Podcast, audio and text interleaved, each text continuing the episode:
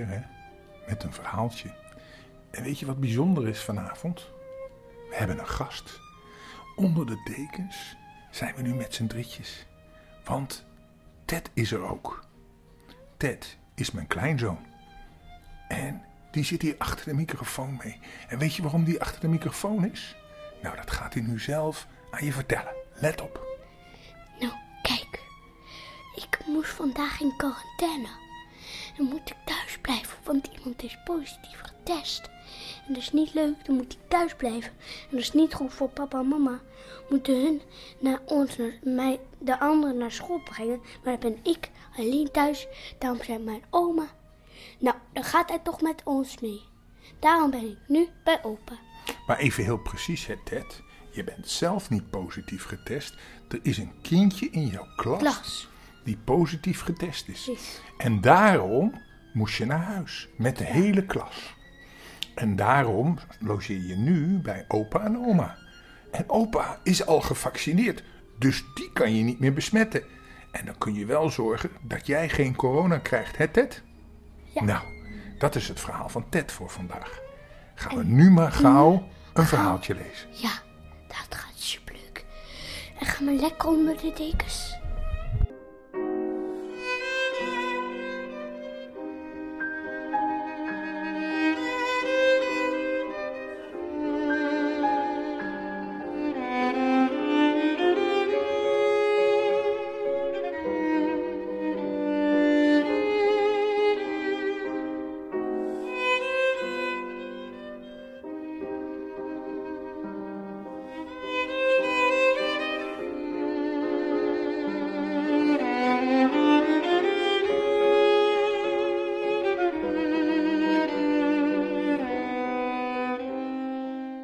En in ons verhaaltje van vandaag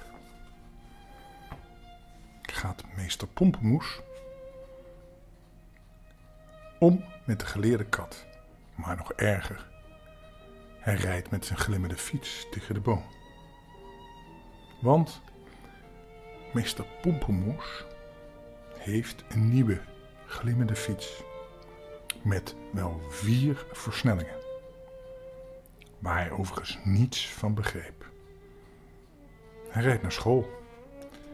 En hij was niet gewend aan zijn nieuwe fiets en hij dacht met heimwee terug aan zijn oude fiets. Met een enorm groot voorwiel en een klein achterwieltje. Die heeft hij in het verleden van zijn overgrootvader geërfd. Dus die is al heel oud. Maar ja, nu heeft hij hem geschonken aan het oude fietsenmuseum. En heeft hij een nieuwe fiets. En doordat hij zo zat te dromen over vroeger, reed hij pardoes tegen een boom op. Zie je nou wel, riep meester Pom- Pompelmoes uit, nadat hij zijn fiets en zichzelf had opgeraapt. Dat moderne spul deugt nergens voor. Rijden kun je er niet op. En nu is mijn voorwiel nog krom ook. Een schande is het. Met de fiets aan de hand hinkte meester Pompelmoes verder. En zo kwam hij voor de eerste keer in zijn leven te laat op school. In de klas was het een verschrikkelijk lawaai. Meester Pompelmoes strompelde boos de klas binnen en riep: Stilte, wat zijn dat voor een manieren hier? Mag een meester ook niet eens een keer te laat komen? Het werd onmiddellijk doodstil in de klas. Meester Pompelmoes wreef eens over zijn linkervoet. Hij merkte dat hij die alleen maar verstuikt had en zei toen: Niets hebben jullie voor je meester over. Deze klas moet maar wat strenger aangepakt worden. Waar hebben jullie de meeste hekel aan? Juist, aan adreskunde, uit het hoofd. Nou, dat is dan precies waar we de les mee gaan beginnen. Opgelet. Hoe heet de heuvelrug in Drenthe die van het noorden naar het zuiden loopt? Of van het zuiden naar het noorden, als je dat liever hebt. Meester Pompelmoes keek woedend de klas in, maar niemand gaf antwoord. Tot er plotseling van de allerachterste bank, die anders altijd leeg bleef, een soort miauwende stem klonk. Miauw, de hondsrug, meester. Meester Pompelmoes keek stom verbaasd naar de allerachterste bank. En daar zag hij een grote zwarte kat zitten. Met een wit befje op de borst. En een wit vlekje boven zijn rechteroog. Zie ik, zie ik dat goed, jongens? stotterde meester Pompelmoes. Zit daar een kat? Hoor ik het goed? Kan die kat praten? Ja, meester, riepen de kinderen, die zat daar al toen wij binnenkwamen. Niemand van ons heeft hem meegebracht. We dachten dat het een grapje van u was. En dat u ons een toverkat wilde laten zien. Ik ben geen toverkat. Miauw, zei de kat. Netjes met zijn pootjes over elkaar. Ik ben de geleerde kat. Ik ben Joachim, de beroemde geleerde kat van het circus Ratatouille. Nee, Ratatani. Wat doet u dan hier als u zo geleerd bent? vroeg riep meester Pompemoes kwaad. En wie bewijst mij nu dat u die beroemde Joachim bent? Dat kan iedere kat wel zeggen die een beetje kan praten. U bent een geleerde schoolmeester. Vraagt u mij maar wat u wilt, zei de kat. Ik ben vooral goed in aardrijkskunde, uit het hoofd. Hoofdstad van Noord-Brabant? vroeg meester Pompemoes. bos. ook wel Den Bosch genoemd, zei de kat. In mijn klas heet het Zertogenbos, zei meester Pompemoes. En waar komt de Rijn in ons land? Bij Lobitmeester. Hmm. En wat is de hoofdstad van Noord-Holland? vroeg meester Pompemoes slim, want hij wist wel dat een heleboel mensen de fout maakten om te denken dat Amsterdam de hoofdstad van Noord-Holland is. Maar dat is niet zo.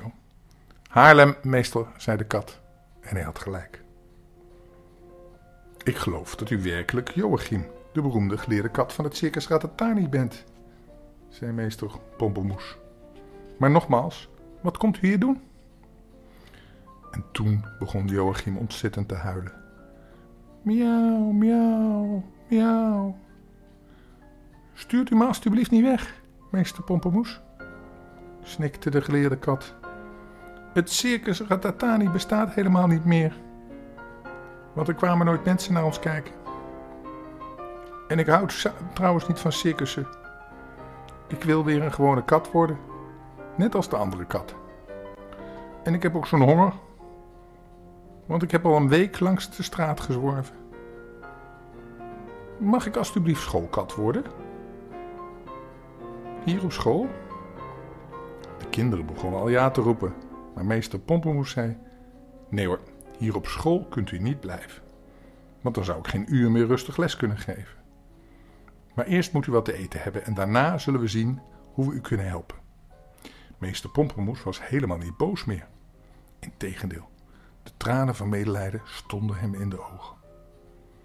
Hij haalde zijn pakjes broodjes voor tussen de middag en ook nog een half flesje melk uit zijn tas want meester had die middag over zullen blijven. En hij zei: Twee boterhammen met leverworst en één met aardbeienjam.